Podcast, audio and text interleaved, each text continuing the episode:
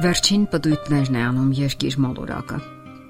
Գիշերային լռության մեջ տկտկում են ժամացույցի սլակները։ Ժամանակն անցնում է, անցնում է առանց վարքյան անգամ կանգ առնելու։ Գալիքի խորթավոր վարագույրները շարունակում են փակ մնալ։ Մարդու տկար միտքը ցանկանում է թափանցել ապագայի խորքերը։ Նա հաճախ դիմում է իր անսանձ երևակայությանը, փորձելով լրացնել իր իմացածի պակասը Ինչ է վերելու իր հետ վաղվա օրը։ Այդ գաղտնիքը ծածկված է մեզանից։ Որքան էլ ցանկանանք ճեղքել անհայտի վարագույրը, նրա վրա գրված է. մուտքը արգելված է։ Սակայն ներկասերունդը արգելքներ ու սահմանափակումներ չի սիրում։ Նրան մնում է միայն վերջին ու անհաղթահարելի խոչընդոտը՝ մահվան գաղտնիքը։ Ինչ է սպասվում մեզ մահից այն կողմ։ Երբ մենք երիտասարդ ենք, քիչ ենք մտածում մահվան մասին կյանքը մեզ անverջ է թվում։ Սակայն գալիս է մի պահ, եւ նա իր սառը շնչառությամբ դիպչում է մեզ կամ մեր հարազատներին։ Չէ որ երկիր մոլորակի վրա մահանում են բոլորը, առանց բացառության։ Բանաստեղծներն ասում են, որ մեր մոլորակը նման է տարածության մեջ սլացող գերեզմանոցի, որի վրա բարձրանում է հսկայական մի հուշարձան, բոլորը մակագրությամբ։ Նույնիսկ Աստծո որդին անցավ մահվան հովտով Եվ զարմանալի չէ, որ միլիոնավոր մարդիկ փորձում են շրջանցել այն, շղթել նրա գոյությունը, հաճախ էլ պաճուճավորել այն երևակայության անսանձ ու անհիման խաղերով։ Մարդը շփոթահար կանգ է առնում մահվան ու ապագայի գաղտնիքի առաջ։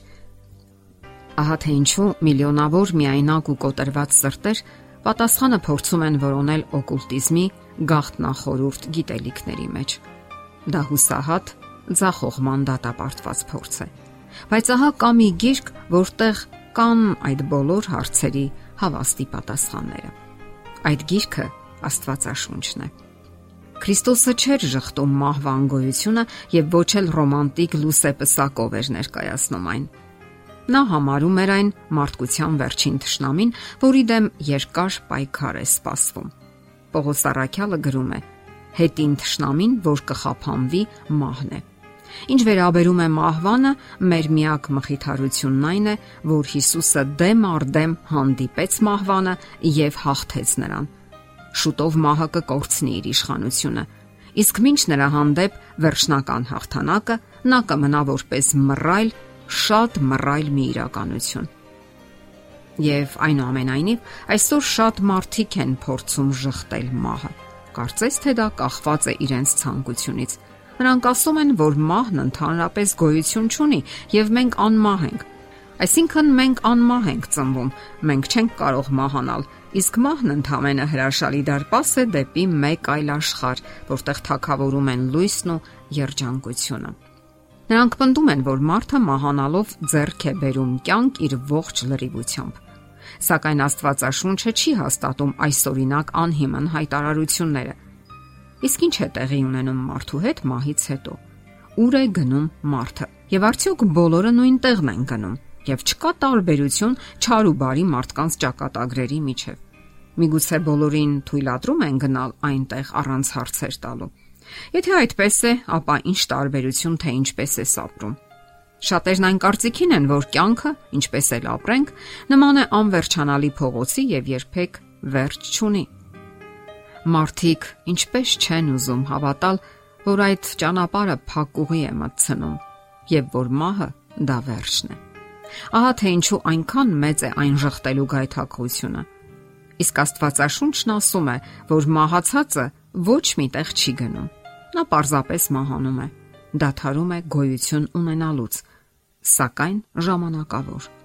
Իսկ այս հարցում Աստծո խոսքը միակ եւ ամենահավաստի տեղեկատվության աղբյուրն է այնինչ մեզ անհրաժեշտ է իմանալ մահվան մասին, Աստված բացահայտել է Աստվածաշնչում։ Նա պատասխանում է մեր բոլոր հարցերին։ Սողոմոնի մաստունը գրում է. Կենթանիները գիտեն, որ մեռնելու են, բայց մեռելները մի բան չգիտեն եւ վարձքել չունեն, որովհետեւ նրանց հիշատակը մոռացվել է, նրանց սերն էլ, նրանց նախանձն էլ վաղուց է փչացել եւ նրանց համար այլևս հավիտյան բաժին չկա արեգակի տակ եղած բոլոր բաների մեջ։ Այս մասին կարդում ենք ժողովող գրքում։ Պատասխանը միանշանակ է։ Նկատենք, որ Հիսուսը վերադարձել է մահվան գերությունից։ Մերյալները, քանի դեռ նրանք մահացած են, ոչինչ չգիտեն։ Նրանք չեն կարող մեզ այցելել եւ քանի դեռ մահացած են, ոչ մի հարաբերություն չունեն կենթանի մարդկանց հետ։ Դավիթը նույնպես գրում է, որ մեռյալները չեն կարող մտածել։ Մի հուսակ իշխաններին, մարդու ворթուն, որի մոտ փրկություն չկա։ Նրա հոգին դուրս կգա, նա դեպի իր հողը կդառնա, նույն օրը կկորչեն նրա խորուրդները։ Սաղմոսի այս հատվածում հստակ ասվում է, որ երբ մարդը մահանում է, մահանում է ամբողջովին։ Վերջին շնչի հետ կյանքը դադարում է, անհետանում են նրա մտքերը։ Մահը կյանքի բացակայությունն է, ոչ թե կյանքի ծաղկումը։ Սողոմոնն ասում է. Ամեն ինչ որ ձեռքդ գտնի անելու ուժովը տարա, որ գործք, խորուրդ, գիտություն եւ իմաստություն չկա մյուս աշխարհում, ուր որ պիտի գնաս։ Այստեղ ակնարկ անգամ չկա, որ մահից հետո գիտակից վիճակ գոյություն ունի։ Մահացած մարդիկ ընդունակ չեն մեզ հետ շփվելու, չեն մտածում, ոչինչ չգիտեն։ Իսկ կարող են արդյոք նրանք այցելել իրենց մտերիմներին, պատմել, թե ինչպես են ապրում այնտեղ։ Աստծո խոսքում կարդում ենք. Մյուս անգամ հետ չի դառնա իր տունը եւ նրան չի ճանաչի նրա տեղը։ Աստվածաշունչը պարզաբանում է, որ մահացածը անկախ այն բանից արդար է թե մեղավոր, խաղաղ քնած է գերեզմանում մինչև հարության օրը։ Նա ոչ տանջվում է գերեզմանի մեջ, ոչ էլ երանության մեջ է երկնքում։ Ասենք, որ նա խավարանում էլ չի գտնվում, ոչ էլ երկնային գաղտնի ոլորտներում նա պարզապես ննջում է ոչինչ չզգալով։